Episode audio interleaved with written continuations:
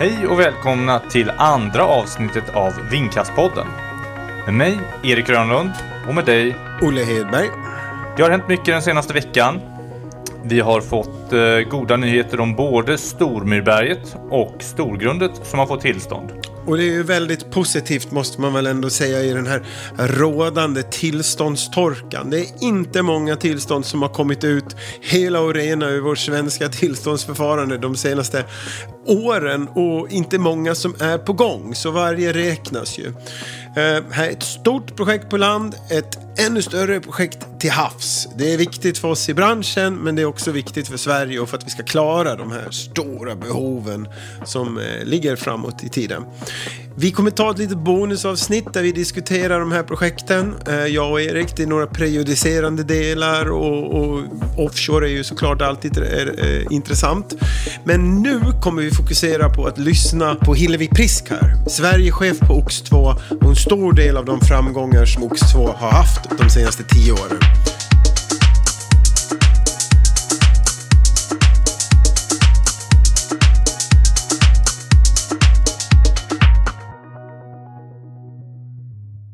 Ja, nu har det gått en vecka sedan förra poddavsnittet.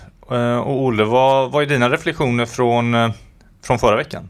Nej, men jätteroligt. En lärorikt, spännande upplevelse. Lite läskigt sådär när man fokuserar på oss, men nu har vi ju klarat av det och kan fokusera på gästerna. Men jättekul. Va, va, vad säger du? Ja, men jag, jag instämmer helt. Det eh, var jätteroligt att spela in första avsnittet. Och eh, väldigt god respons från eh, lyssnare som, eh, som hejar på och gärna vill lyssna på fler avsnitt. Så att, eh, det var eh, jätteroligt. Ja, väldigt positivt nu. Jag har också fått, få, fått emotta några hejarop här och fortsätt gärna och hör av er och föreslå vilka vi ska bjuda in och vilka ämnen eh, vi ska ta upp.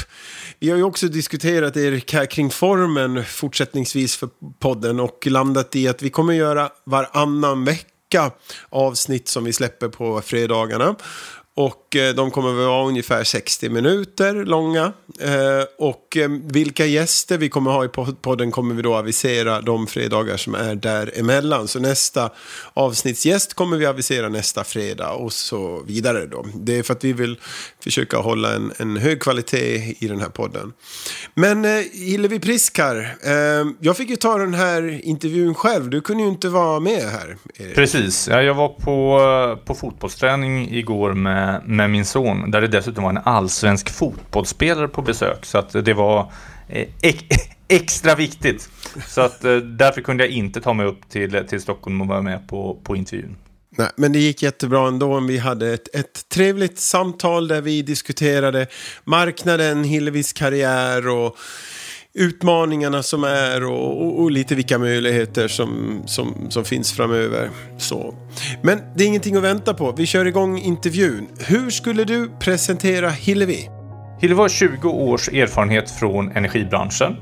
Har arbetat på eh, Vattenfall i olika roller och därefter på OX2. Eh, har arbetat med vindkraft huvuddelen av sin eh, karriär och varit med på OX2 och lyfta bolaget från en, eh, en liten lokal utvecklare i Sverige till att bli ett ledande bolag på den europeiska vindkraftsmarknaden.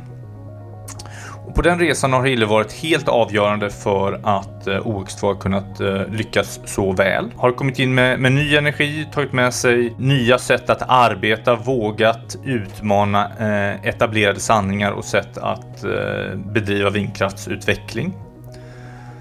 Så att det är eh, en, en viktig person för, för både svensk vindkraftsutveckling men också på ett europeiskt perspektiv. Både in i, i en roll på Vattenfall men också att kunna varit med och lyfta OX2 till det bolaget som de är idag.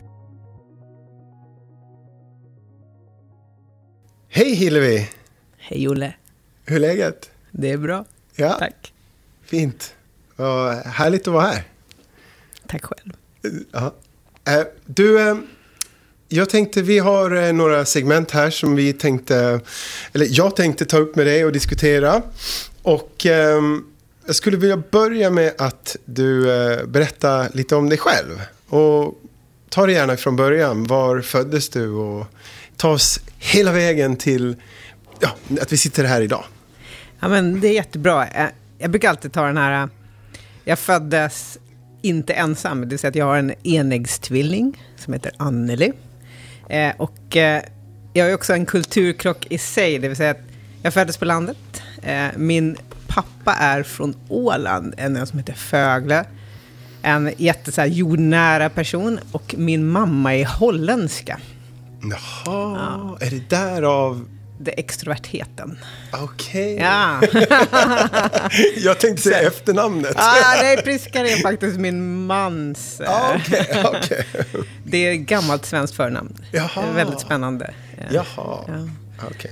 Så att, ehm, nej, jag heter Sundblom eh, som, som, eh, som barn. Mm. Eh, så, att, eh, så jag växte upp i, i Roslagen, eh, i en liten by som heter Älmsta. Eh, och eh, eh jag bodde på landet egentligen. Eh, med alla dess fördelar och nackdelar brukar jag säga. Du vet, skotta snö. Nej, men eh, min far är jägare också, så att mycket av, av liksom barndomen handlade ju mycket om skog och natur. Eh, var ute i skogen. Eh, mm. Jag är inte jägare själv, för jag gillar mer att observera än att, än att skjuta. så det, det kan också vara. Men det har jag haft stor nytta av, ska jag säga, som att utveckla vindkraft, att kunna eh, vara i, Skogen. med skogen. Ja. Och, och havet framför allt. Jag menar, Mm. Fögle är väldigt eh, mitt ute i havet, eh, väldigt få människor och mycket djur och natur. Egentligen. Älskar sjöfågel. Eh, på, på den tiden hade man också sjöfågeljakt. Då, så att, eh, men samtidigt, min mamma, då, om man kommer tillbaka till den här extroverta kulturen. Hon, eh, min mamma är en väldigt ex, liksom stark kvinna. Hon eh, älskade att stå på scen. Eh, vi som barn blev väldigt tränade till att sjunga i körer. Gå upp. Jag var med i en förening som hette Sånglekarna, där vi sjöng gammaldagsa sånger. Så att, och kom också väldigt kulturintresserad. Så jag, jag tror jag har sett alla kyrkor i, i Sverige och Åland vi, vi, och tittar på just eh, kulturen. Då, så, att, eh, så det är jättehäftigt. Spännande. Men jag som person, jag menar, jag ganska tidigt insåg att jag ville vara ingenjör eh, och också jobba med olika, alltså se världen egentligen. Så jag har gått mycket internationella ingenjörsutbildningar, bott utomlands, i Frankrike, i Spanien, i Tyskland. Eh, Pr- Pratar du flera språk? ja. Vilka då? då? Ja, men det, jag skulle säga, ja, men svenska och engelska absolut. Eh, eh, men sen är det ju franska och tyska då. Okej. Och du kan göra dig förstådd och Alltså- konversera? Alltså jag läste ju en civilingenjörsexamen på, på franska då. Jaha, Eh, och oj hade väl också så tyska tentor. Okej. Men, men det är ju, vad är det, 20-25 år sedan. Ja. Så, att, eh, så att jag känner att eh, jag skulle nog inte klara mig så bra professionellt längre. Så jag, så jag brukar ducka det. Ja, okej. Ja, så att, ja, men det är kul. Så att, eh, nej men, eh, så att jag tror både det här att ha den här, eh, hur ska jag säga, ingenjör, natur, jorden, men också eh, gränssnitten av människor. Eh, Som jag tycker den- andra sidan står för. Det, det är alltid det som har drivit min nyfikenhet, att både jobba med det supertekniska, eh, men också, jag brukar säga att de flesta projekten i mitt yrkesliv har ju varit, eh, jag tror till början att det är tekniska projekt, ja, men som ett vindkraftprojekt. Men det har slutat med människoprojekt Mm. egentligen. Hur, hur funkar människor? Ja. Hur får man människor att jobba ihop? Men allt Hur funkar börjar jag där? Ja, men allt börjar ju och sluta med människor. Ja, visst. Vad det än man ska göra. Det ju. det stämmer. Men när, när kom liksom intresset för just vindkraft då? Var det redan i, i studierna då när du studerade eller? Nej, men jag, jag tycker det är intressant, det här jag tänkt tillbaka på, men redan på högstadiet så... Eh, min pappa det jobbade i energibranschen och han pratade mycket om hur han hade sett askan på isen från förbränningen, smutsen, så att han har jobbat mycket med rening av befintlig liksom, energistruktur. Men när jag då gick i högstadiet så fick jag chansen att bygga ett, liksom ett mikrovindkraftverk. Eh, men det var också kopplat till havet, så det var nog där jag började se, okej, vad blir nästa steg? Hur kan man bygga energi utav förnyelsebart? Eh, Men, men så, så där var jag intresserad av det. Men sen när jag väl började plugga så blev det mycket mer tekniskt, ska jag säga. Då var det mer fysiken bakom. Eh, hur, hur funkar världen med hjälp av matematik eh, och sådana bitar. Så då, då, var jag mer nyfiken i detaljerna än, än, än, än vad jag skulle säga med, med det, det jag gör idag. Då. Mm. Ehm, men så tidigt så ville jag rädda världen. Det, det. Vad gör man? Men, och din tvillingsyster, gick hon samma spår då? Eller? Ja, mm. så att vi har ju läst egentligen eh, parallellt eh, upp till universitetet. Mm. Eh, sen har nu hon valt att jobba på SKF, så att hon mm. jobbar inom stålindustrin. Eh, liknande karriär skulle jag säga på ett sätt, men jag valde energisektorn. Då. Just det. Men så, när du var klar med studierna då, var blev första anställningen någonstans? Vattenfall Utveckling i Älvkarleby. Okej. Okay. Ja. ja. och det, då hade jag... vilket, vilket år var det? Ja, Får man fråga det?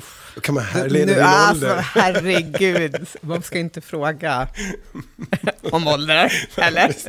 Nej, men det var 2003. Okej. Okay. Mm. Eh, och Eh, det var, själv var nog kärleken skulle jag säga, för min man eh, jobbade då på Sandvik. Stå. Nu är han i banken, mm. men han var också ingenjör. Mm. Eh, och då tittade jag på en arbetsplats nära Gävle mm. eh, och fick tips om Älvkarleby. Mm. Så mitt exjobb var faktiskt att titta på hur man kan öka effektiviteten i sodapannorna mm. inne i pappersindustrin. Mm. Vilka material behöver man? Så jag har liksom varit i alla pappersbruk som har en sodapanna. det var fantastiskt. Mm. Basindustrin. Men, men hur, hur, var det liksom då när du kom in och du började det där, alltså tempot och Alltså om du skulle sätta det i relation då när du började på Vattenfall liksom, eh, till hur det ser ut idag. Eh, alltså då särskilt vindkraft Fanns det en ordentlig organisation kring det? Eller? Nej, men då skulle jag nog säga, jag, jag träffade några fantastiska själar eh, på Vattenfall Utveckling som hade jobbat med vindkraft. Man hade ju byggt det första egentligen vindkraftverket mm. i Sverige uppe i Sorvadammen med is, eh, alltså blixtsystem och sådana bilder. Men det var, jag ska säga, forskare eh, som hade gjort eh, enskilda projekt. Eh, och då jobbade jag mer mot man ska säga, värmeverk och, och även kärnkraft, alltså betongstrukturerna i, i olika energislag. Mm. Jag tyckte att det var en ganska, eh, hur ska jag säga, en eh, gammeldags bransch. Mm. Eh, den jag började i. Eh, också väldigt mansdominerat. Mm. Eh, Medan vindkraften då fortfarande var på, ska säga, i, i Sverige då på pilotstadiet. Alltså. Mm. Eh, så, så, så, det var, men, så det var när jag började, men sen fick jag höra att det började hända saker eh, på Vattenfall. Och då hade jag en mentor, eh, Lars Jakobsson, en fantastisk man. Mm. Han bara, titta på vad som händer på vindkraften. Så då var jag först på landbaserad vind på Vattenfall, vindkraft. Och då hade man precis köpt upp eh, bolag, Dong då, och hade fått in både havsbaserad och landbaserad. Så det var en fantastisk resa som jag började på då. Eh, medvetet eller omedvetet, det vet, det vet jag inte. Men det var, det var väldigt roligt. Så då, då var det så här, då trodde vi att vi kunde förhandla in, ska jag säga, 30 markområden på ett halvår. Mm. Och min tanke när jag började med det var så här, ja men nu kommer jag förhandla med, med eh, säga, bönder eller skogsägare. Men det var då jag också började förstå hur, hur markstrukturen såg ut i Sverige. Det vill säga, ja, men 33 procent ägs av eh, Sveaskog, statliga ägare, stora skogsbolag. Så det var en helt annan, hur ska jag säga, landsstruktur än, än den jag trodde från början. Fanns, vid det tillfället där, och jag tror, om inte jag missminner mig, att Erik... Jo, jag började jobba ja, med Erik då. Var också där, eller ja. Han kom efter mig, för jag började ett halvår före. Ja, just det. Ja, jag födde barn ja, han, ja, precis. Det var så jag förstått det. Men fanns det liksom tankar och diskussioner kring det här med, som vi idag kallar lokal acceptans med? Eller det var inte alls på, på radarn vid den liksom, eh, tidpunkten? Så, eller? Alltså när jag började då, då vet jag att det fanns en, en del högre chefer som tyckte att vi skulle köpa all mark. Mm, okay. mm. eh, och så fort jag började så sa jag, alltså de, de här vill inte sälja. Mm. Det kommer aldrig gå. Vi kommer aldrig kunna bygga en på en punkt som ett kärnkraftverk är, eller ett vattenkraftverk är, eller ett värmeverk är. Utan vindkraft är ett helt annat kraftslag. Mm. Så det tog ett ganska stort tag att förstå det. Men, men jag tyckte ändå att vi ganska snabbt var inne på lokal acceptans. Mm. Att eh, man utvecklar ett projekt tillsammans med samhället. Mm. Det är där liksom, ska jag säga, magin sker. Um, sen hur metoderna var, hur det skulle göra, det var en ganska utforskande fas. Och jag skulle säga en väldigt entreprenöriell fas mm. eh, på Vattenfall när, när jag började där. Om man skulle säga... Um, om man skulle jämföra liksom ja, när ni satt där då och skulle fixa de här 30 projekt eller markområdena Avtal, ja. på ett halvår och, och liksom då kontrastera det till idag. Skulle du säga liksom, är det fler problem eller mer möjligheter idag? Eh, om du förstår vad jag menar. Alltså, mm. Var det en större optimism då kring vad det här faktiskt kan göra för Sverige? Eller är det en större optimism idag? Nej, men jag skulle nog säga att det var en större optimism då. Mm. Att, eh, att folk var nyfikna på det som kom och också eh, det fanns en, liksom en vilja av att hjälpa till och framförallt skulle jag säga på, i kommunalpolitiken. Mm. Eh, vindkraft var eh, kan säga, i finrummet då. Mm. Eh, idag Sen tyckte jag också att det fanns mycket okunskap, det vill säga klassiskt, jag tror alla som har projekterat mycket i Sverige var ju att man glömde nästan bort elnätet. Alltså att man, hittade områden som man, som man arrenderade och så var alla med. Och sen så bara, just det, vi ska ansluta det här till, till nätet också. Mm, mm, mm. så, att, så där tror jag att det var... Men med det finns ju också den här viljan att ta sig fram och nyfikenheten. Och, och den tyckte jag fanns mycket mer i samhället då, mm. absolut. Hur länge var du kvar vid Vattenfall? Och du var på Vattenfall tills du valde att hoppa på Ox2, eller hur? Ja, det stämmer. Mm.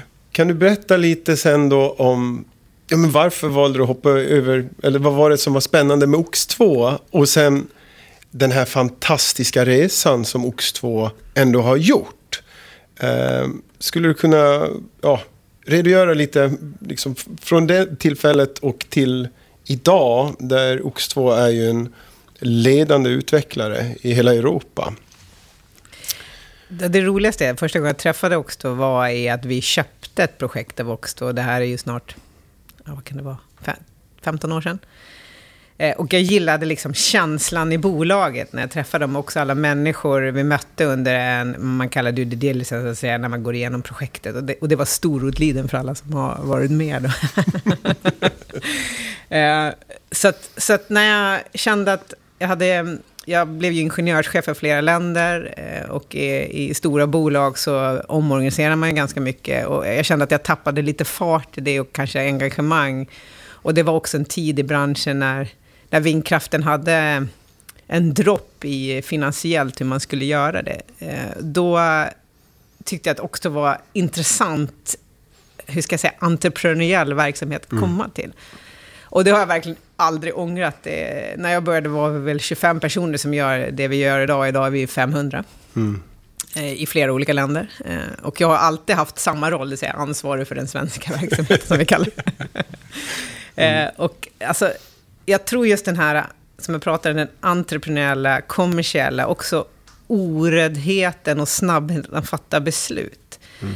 Och att det är projekten som står i centrum. Mm. Eh, många som jag, som jag pratar med, som ska börja på Oxford, eller som jag intervjuar, är vad är unikt med Ox2? Och det är just den här, vi är bara projekt. Mm. Även om vi är en organisation på 500 så lever vi och driver våra projekt. Det är, mm. det är så vår affärsmodell ser ut. Mm.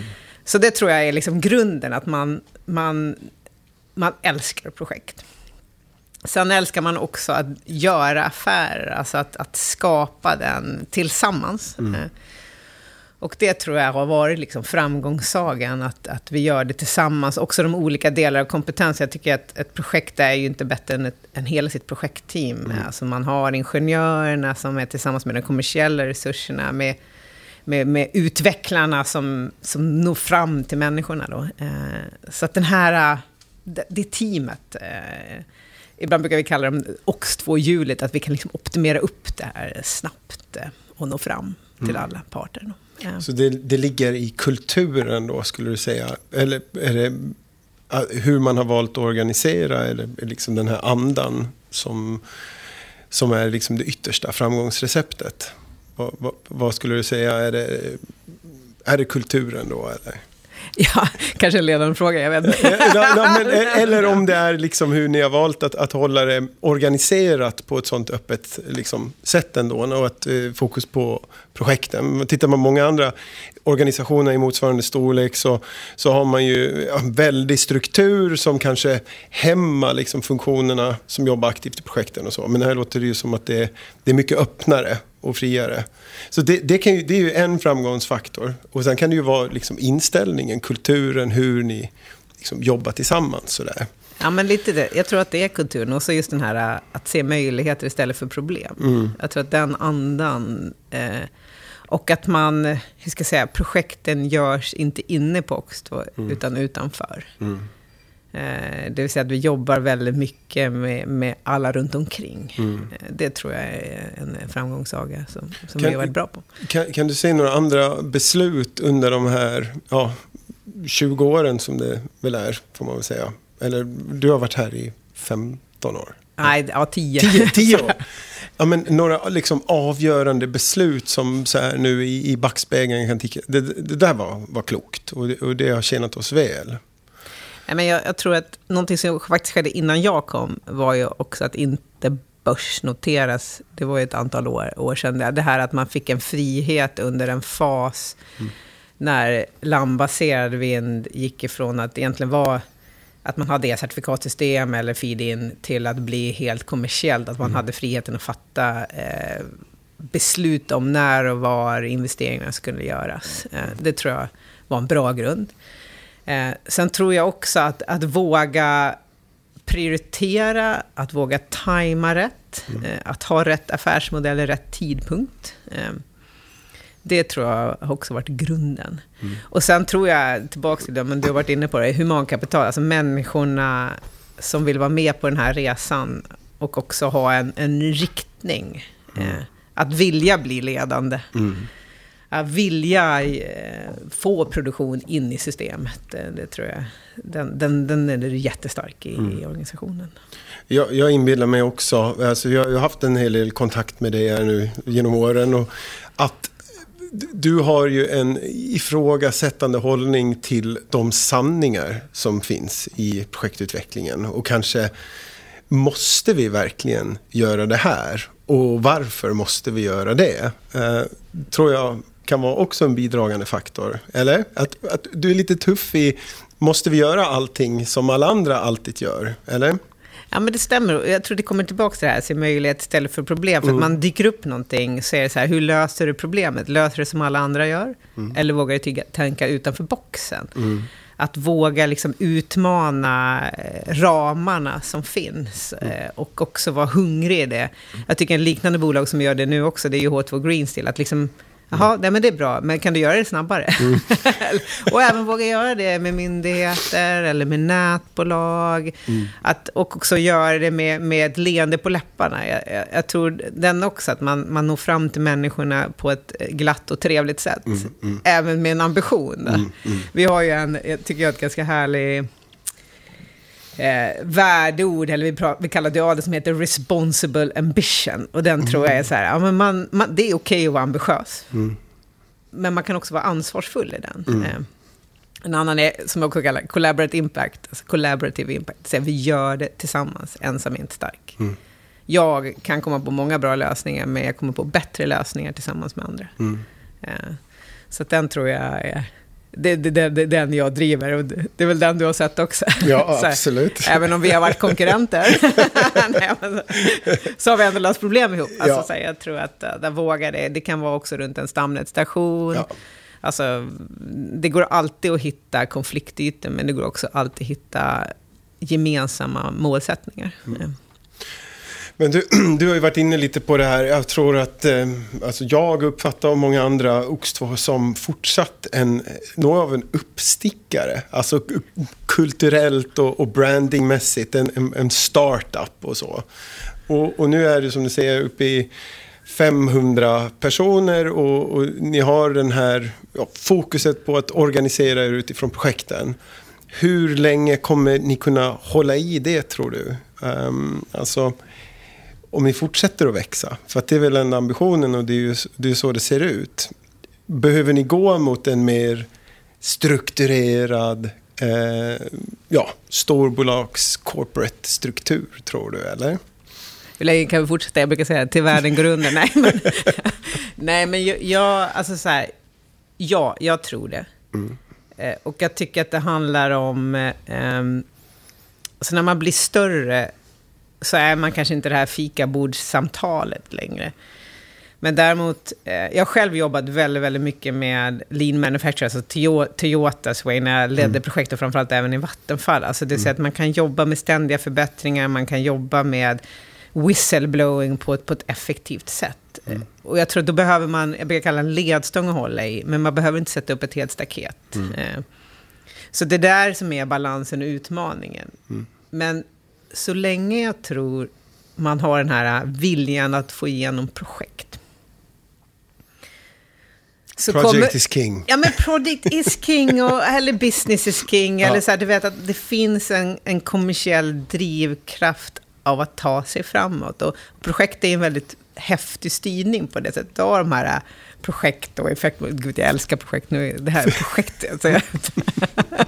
Nej, men, och, och, den tror jag, den går att göra i, i makroskala också. Alltså mm. tillbaks till vilken styrning behövs, hur får de som har information, beslut, mandat att fatta beslut. Men också någonting som jag tror har varit vinnande hos oss, det är också att jobba med vem är jag som människa? Eh, jag, brukar, jag brukar prata om så här skuggsidor. Så här. Vad, vad sker när saker och ting förändras? Vad händer i förändring? Eh, och hur, hur tar jag mig igenom det? Och det är det tror jag en organisation är. Det är så lätt att säga, men nu har jag den perfekta energisystemet, men, eh, men nu har jag den perfekta organisationen, men det finns aldrig någonting som är perfekt. Mm. Eh, och det där, har man den nyfikenheten, att, att våga bryta sina egna barriärer och tänka utanför boxen än en gång, eh, då tror jag en organisation klarar av att skala upp. Eh, och den tycker jag vi har. Mm. Och det är också, jag ska säga, en oräddhet till att, att våga göra förändring. Mm. Spännande. Mm. Men du, om man eh, tittar lite på portföljen så, så har ni ju de senaste åren utökat den. Eh, I bredd får man väl ändå säga. Det är ju landbaserad vindkraft, havsbaserad vindkraft, solkraft och PTX. Så det var ganska nyligen ni tillsatt också en internationell head av PTX. Va? Visst var det så? Ja, men det stämmer det. Mm. Men um, då, då tänker jag, var i ligger framtiden, tänker du? Om jag bara ställer det som en öppen fråga utifrån det. Den stora frågan, jag älskar dem. eh, nej, men alltså, jag, jag tycker någonting som jag funderar mycket på, det är ju varför började man med vindkraft? Det var för klimatmålen. Eh, liksom att eh, nu har vi eh, ett klimathot. Eh, sen tyckte jag det här, hela, helt plötsligt kom det här med biologisk mångfald upp också. Där. Men okej, vi har eh, liksom art, kraftig artdödlighet. Eh, och det känner jag också nu, så här, men vi vill ju gå mot ett fossilfritt samhälle. Um, det, det, tror jag många av oss som jobbar inom vindkraftbranschen har eh, liksom varit där, ja, inom energisystemsbranschen. Eh, och jag, det är där jag ser, hur kan vi få en planet som lever? Vilket system eh, ska vi ha för att göra, alltså energisystem ska vi ha för att göra det?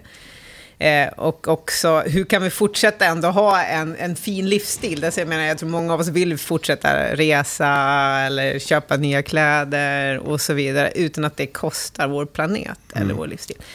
Så jag tror att om jag, om jag tar svenska systemet, vi har 200 terawattimmar fossila bränslen som ska fasas ut. Eh, vi vet att vi har en industri som vill bli grön. Eh, det vi gör idag kommer sätta Sveriges agenda och det kan också sätta världens agenda.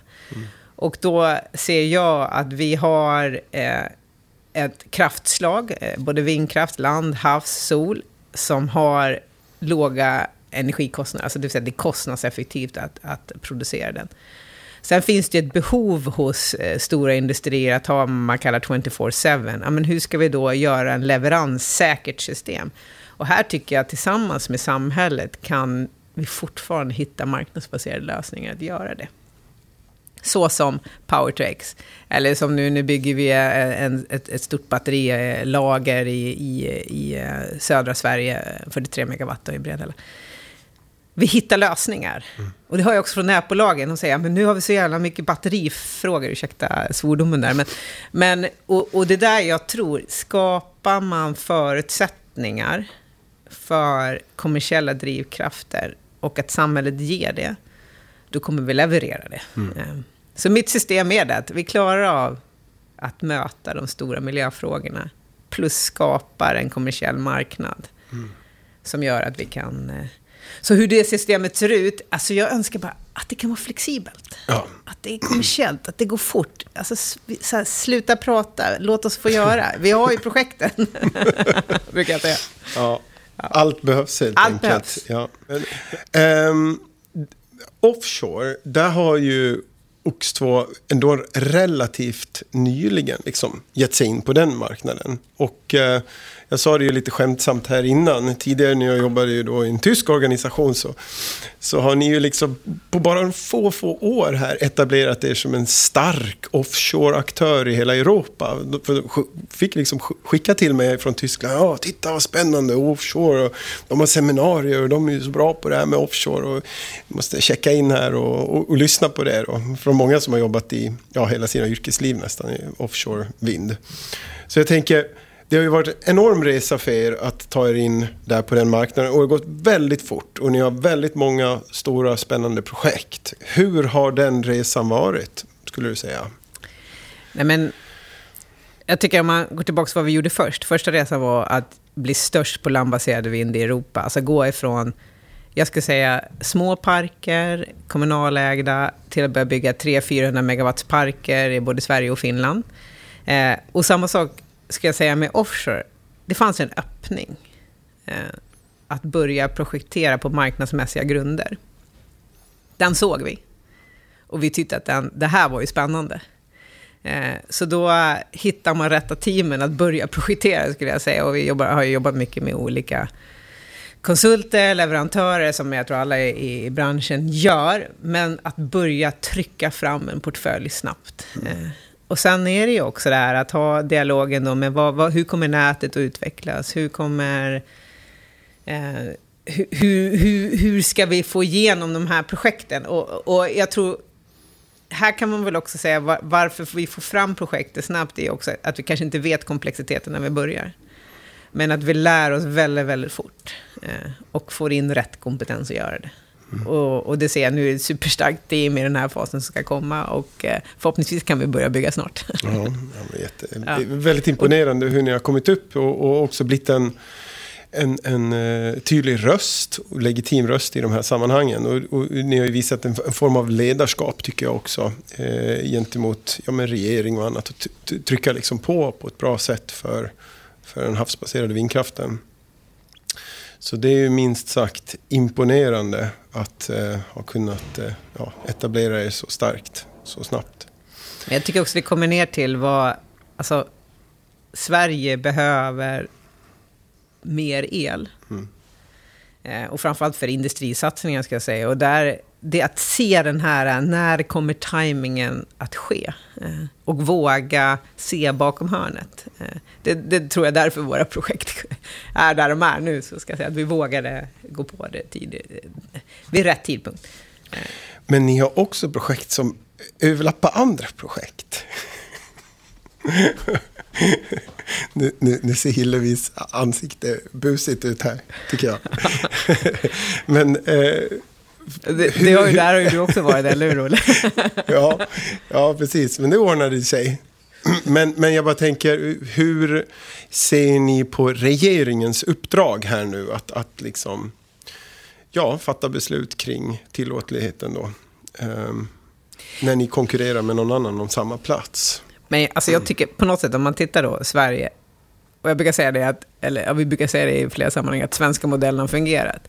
Titta nu, nu har man massa gigawatt projekterade offshore-projekt på regeringsbyrå som går att fatta beslut och få upp produktion innan 2030. Och man har inte behövt betala någonting från, från Sverige AB. Vi som, vi som skattebetalare har inte behövt ge en enda krona. Alltså, inte det är helt fantastiskt? Ja. Sen säger man då, okej, okay, men hur vågar vi som bolag projektera här? Men, och jag tror där, tillbaka till det entreprenöriella, vi, alla bolag som är nu ute i ekonomisk zon, men också på territorialvatten, vågar ju ta risk. Mm. Och vi vågar kommersiellt att göra det. Sen tycker jag nu mer och mer när man ser också de här geopolitiska situationerna. Vi har ett krig i Ukraina, vi har haft pandemier. Att man behöver också ha ett samhällsansvar. Alltså, jag skulle säga här, och, och samhällsansvar, vad jag menar med det är ju att politiker och myndigheter behöver vara med och designa vad behöver Sverige.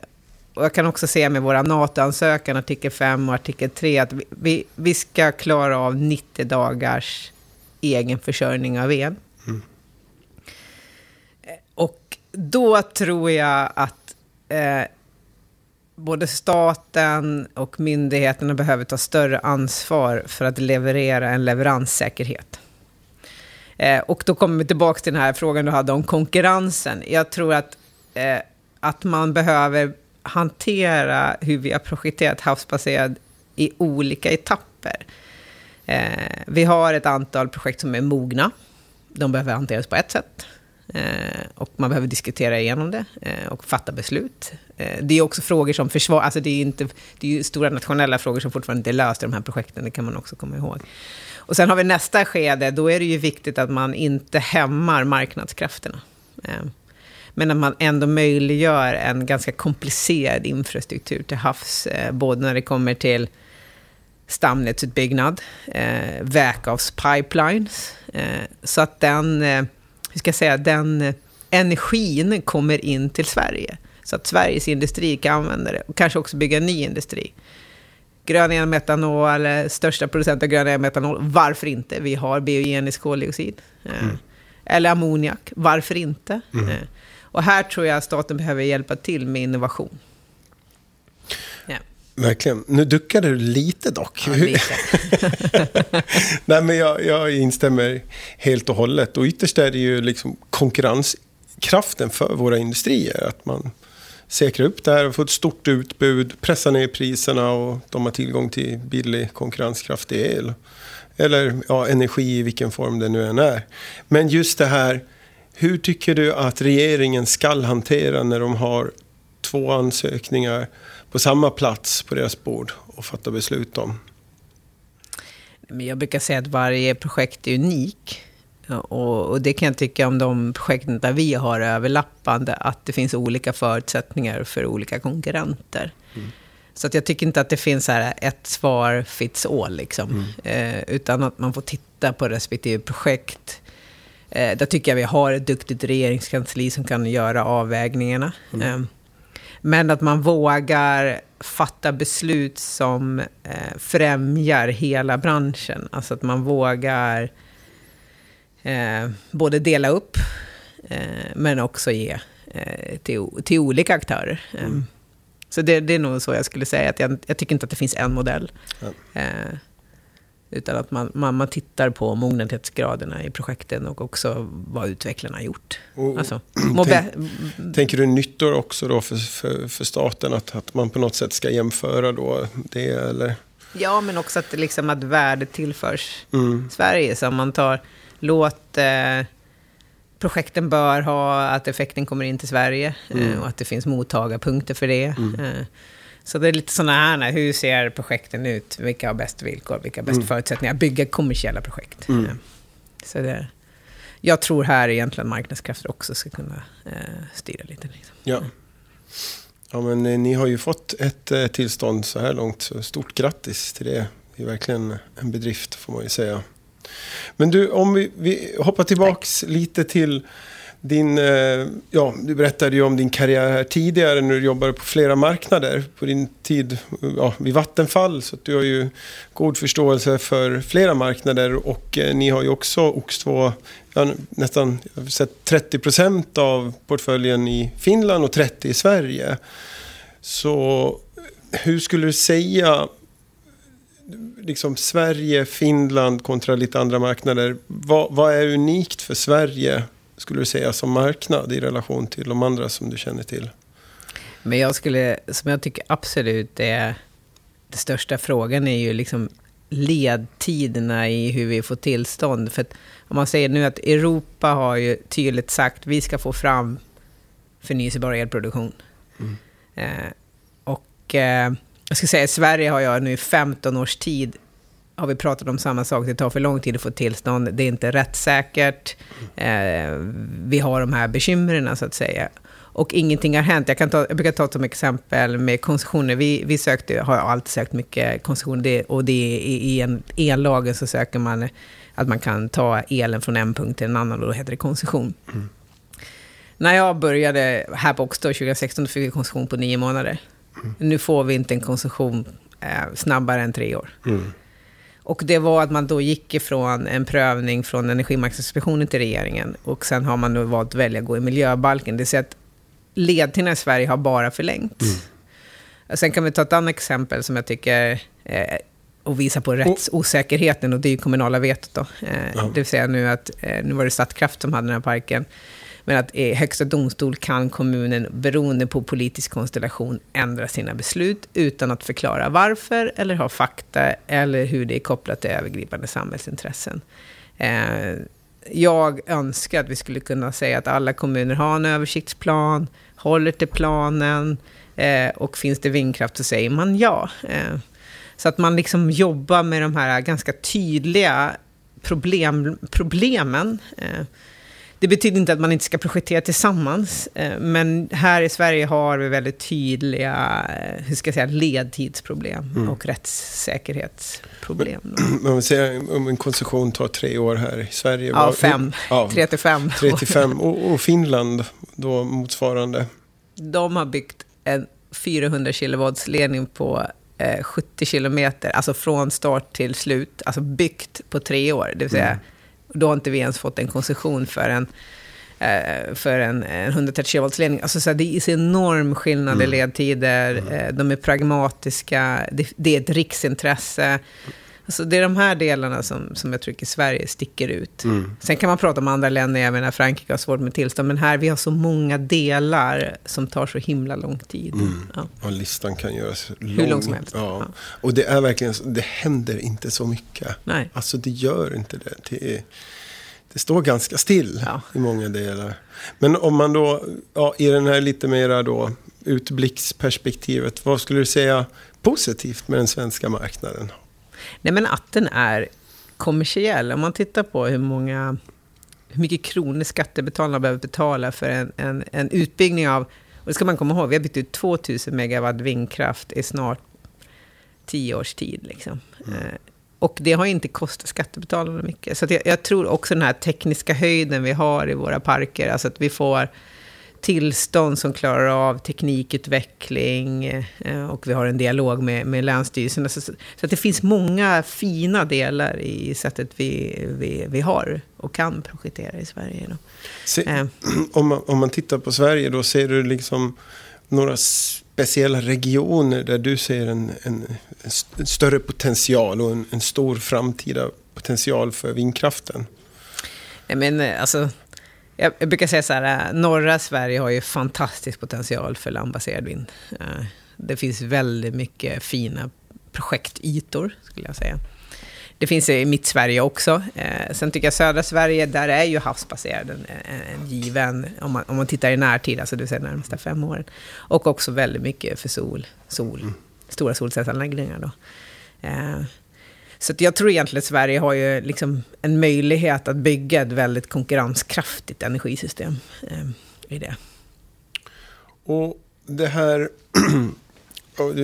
du nämnde det här, vad heter det, havsbaserade vindkraften i södra Sverige. Energihub Gotland har man ju hört allt mer eh, snackas om. Vad är det för någonting?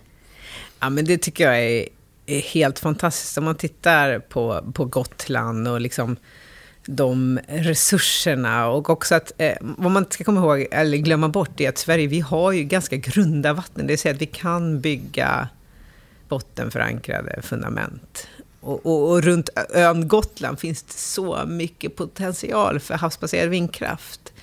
Eh, och, så, så där tror jag att, att liksom lyfta Gotland till det och också få dit starkt elförsörjning, alltså två kablar tror jag alla vill ha dit. Mm, mm, mm. Men också den industrin som finns där, den enda cementtillverkande industrin vi har där, eh, mm. Nordkalk. Så mm. det är också det här att skapa en, en säkrare energi och resursförsörjning till Sverige. Då. Det...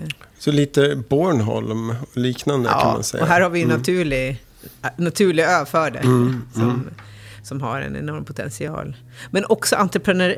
Alltså, det finns ett starkt entreprenörskap om man inte ska glömma bort det, jag faktiskt också startade, eh, då hette det ju Vinkompaniet, på Gotland. Mm. Man känner det, det var ju där man började och man mm. förstod vikten av det. Och också den, jag tror det är en centra av också sjöfart. Mm. Eh, mycket av fossila bränslen finns ju inom sjöfarten idag och här kan man ju ta flera goda exempel runt Gotland där man kan liksom börja bygga nya vätgasfärger som Gotlandsrederiet. Mm. Ja, det är spännande. Det är superspännande. Liksom. Verkligen hoppat på det.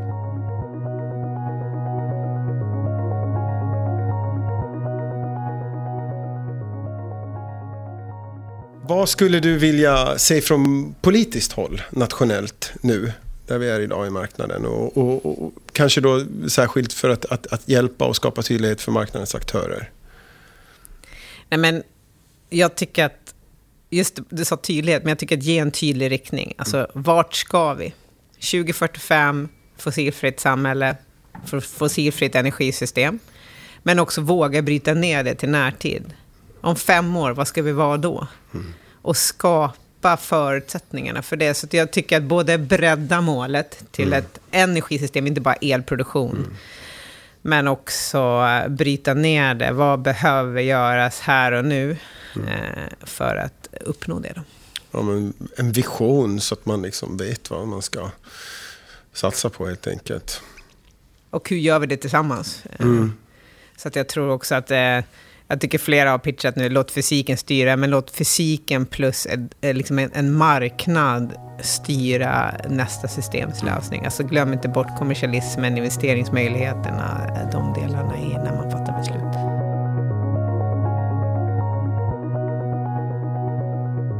Du, om vi går vidare in på eh, lite det här med eh, kompetensförsörjning som är en väldigt viktig fråga. Jag tror alla vi har ju behov av kompetens eh, och eh, slåss om de kandidater som kommer ut på marknaden. Ehm, hur jobbar OX2 för att introducera nya till branschen och hur jobbar ni för att, att skapa intresse kring vindkraft och energi? Nej, men det, alltså det är ju aldrig en, här, ett enkelt svar på den här, men men jag tror det ena är ju att, att uh, vara ute och möta folk. Uh, både på universitet och att, att, ha ett engagemang där, så ska jag säga. Att, att skapa exjobb, att skapa möjligheter att komma in. Um, men sen, sen tror jag också att det här att, och det, det gör inte också så mycket idag, men det är också att ha snabbare utbildningar? Alltså hur kan du göra ett omställningsstöd snabbt? Mm. Eh, hur kan man gå från en punkt till en annan? Mm. Och vad för kompetens behövs? Eh, mm. Det tror jag skulle, skulle hjälpa branschen väldigt mycket. Eh, mm. att identifiera det då. Eh, snabbare utbildningar, eh, kortare utbildningar. Ehm, jobb. Sen tycker jag, alltså mycket, jag gillar ju det här med mångfald och de bitarna, men, men det, det är ganska svårt när man utvecklar projekt, för det, du kan inte ta in så mycket internationellt i det i och med att man möter människor på svenska. Mm. Man måste nå fram där. Så, så det är liksom här, det beror på vilka roller vi ska ha. Mm. Ja, men verkligen. Men om vi säger att det är någon som är ganska ny i branschen här och lyssna. Och eh, Hillevi, du är ju jätteframgångsrik och har gjort en fantastisk karriär och bidragit till, jag vet inte hur många procent av Sveriges liksom, faktisk produktion där ute. Vad skulle du ge för tips till någon som kanske började i branschen för några månader sedan? För att, att liksom, ja, ta sig dit du är, om man säger så. Men, tips är ju att våga vara framåt. Våga ta för dig. Men också se, vem är jag på riktigt? Vad vill jag göra? Och att, jag brukar säga, tänk inte på din horisontala, horisontala karriär, utan tänk på vem är jag som människa och vad är mina drivkrafter mm. att gå därifrån. Eh, det, det, det är mitt tips. Att eh, visa engagemang, vad brinner du för? Eh, sen är det väl ett antal... Jag fick ett tips när jag började, det var så här, våga också bli duktig på någonting. Mm. Våga, våga bli specialist innan du blir generalist. Mm. Våga nörda ner dig mm, mm. innan du breddar ut dig. Alltså, mm. Jag tror att det är då man också blir en bättre ledare. Mm. Eh, det tog ganska lång tid för mig innan jag hoppade på chefs, det klassiska chefskapet. Eh, mm. Eh, utan att, att våga jobba med sitt ledarskap från, från olika snitt då, om man vill bli ledare. Men om vi tittar på din karriär då, vad, vad om du skulle börja om från början, vad skulle du göra annorlunda? Skulle du göra någonting annorlunda? Oj. Den, den, frågan borde man vara eh, liksom, eh, förvänt, liksom ja, det, det jag är ute efter det är väl just det att då kanske någon annan inte behöver göra det misstaget. Om de får höra från dig. Nej, men jag, jag tror, vad jag skulle gjort annorlunda är att inte tvivla på sig själv. Mm. Att eh, lita på uh, att var sak har sin tid. Och kanske inte, alltså ha mer tålamod. Mm. Eh, för jag tror hela den här uh, pressen som jag ser unga människor skapa på sig själv och andra runt omkring sig. Att, att liksom våga jobba mot ett, ett högre syfte och att jobba med teamen och jobba med sig själv i det. Liksom, det, det tror jag. Mm. Att tålamod, alltså tå, ha tålamod mm. och inte tvivla. Eh, mm. Det hade jag nog gjort om. Sen tror jag inte jag hade gjort om kanske de mer hardcore besluten. Alltså för, byta jobb eller göra den. Utan det, det tror jag, det, det är inte det som formar. Utan Mm. Det är lärdomarna man får. Liksom. Ja. Jag har varit ganska orädd av mig egentligen. Och det, ja, men du känns det, som det, det att... tror jag har varit en fördel. Ja. ja. Det är bra. Man ska ta för sig lite. Ja. Men du, ehm, här kommer sista frågan då. Och det ska ju vara vår roliga twist här. Om du var en komponent i ett vindkraftverk. Vilken komponent skulle det vara och varför? Alltså jag vet vad jag sa? Hindersljusbelysningen. Okej, okay. nu får du utveckla. Nej, men jag, jag, jag tänker att den är högst upp, den lyser klart och den eh, leder och varnar för hinder. Men den kan också släckas ner när det behövs. Ehm, och det hade varit fantastiskt om vi kunde få sådana radarsystem. Men, mm. men jag tycker just att ljuset är intressant. Mm. Ehm, jag tänkte först vinge, men mm. alltså, svårt att se mig som vinge. Nej, nej, nej. men mm. hindersljusbelysning, det hade varit. Ja, men lite ledstjärna kanske. Lite ledstjärna, mm. ja det hade varit. Stort tack Hillevi. Det var jätteroligt att få vara här och prata med dig och ta del av dina perspektiv. Tack. Ja, stort tack själv. Det var allt för det här avsnittet. Stort tack även till er som har lyssnat. Det är på grund av att ni lyssnar som vi gör den här podden. Och vi vill väldigt gärna ha er feedback, era inspel kring hur vi kan utveckla och göra det här ännu bättre. Gå gärna in och följ eh, vår eh, LinkedIn-sida Vindkraftspodden och också Nuera Energy. Ehm, vi kommer också som sagt släppa ett bonusavsnitt här i morgon som är fokuserat på Stormyrberget och Storgrundet där vi kommer diskutera lite de prejudicerande delarna och eh, analysera lite de utmaningar som har varit och hur, hur vi har löst dem i de här projekten. Ha en fantastisk helg och så på återhörande.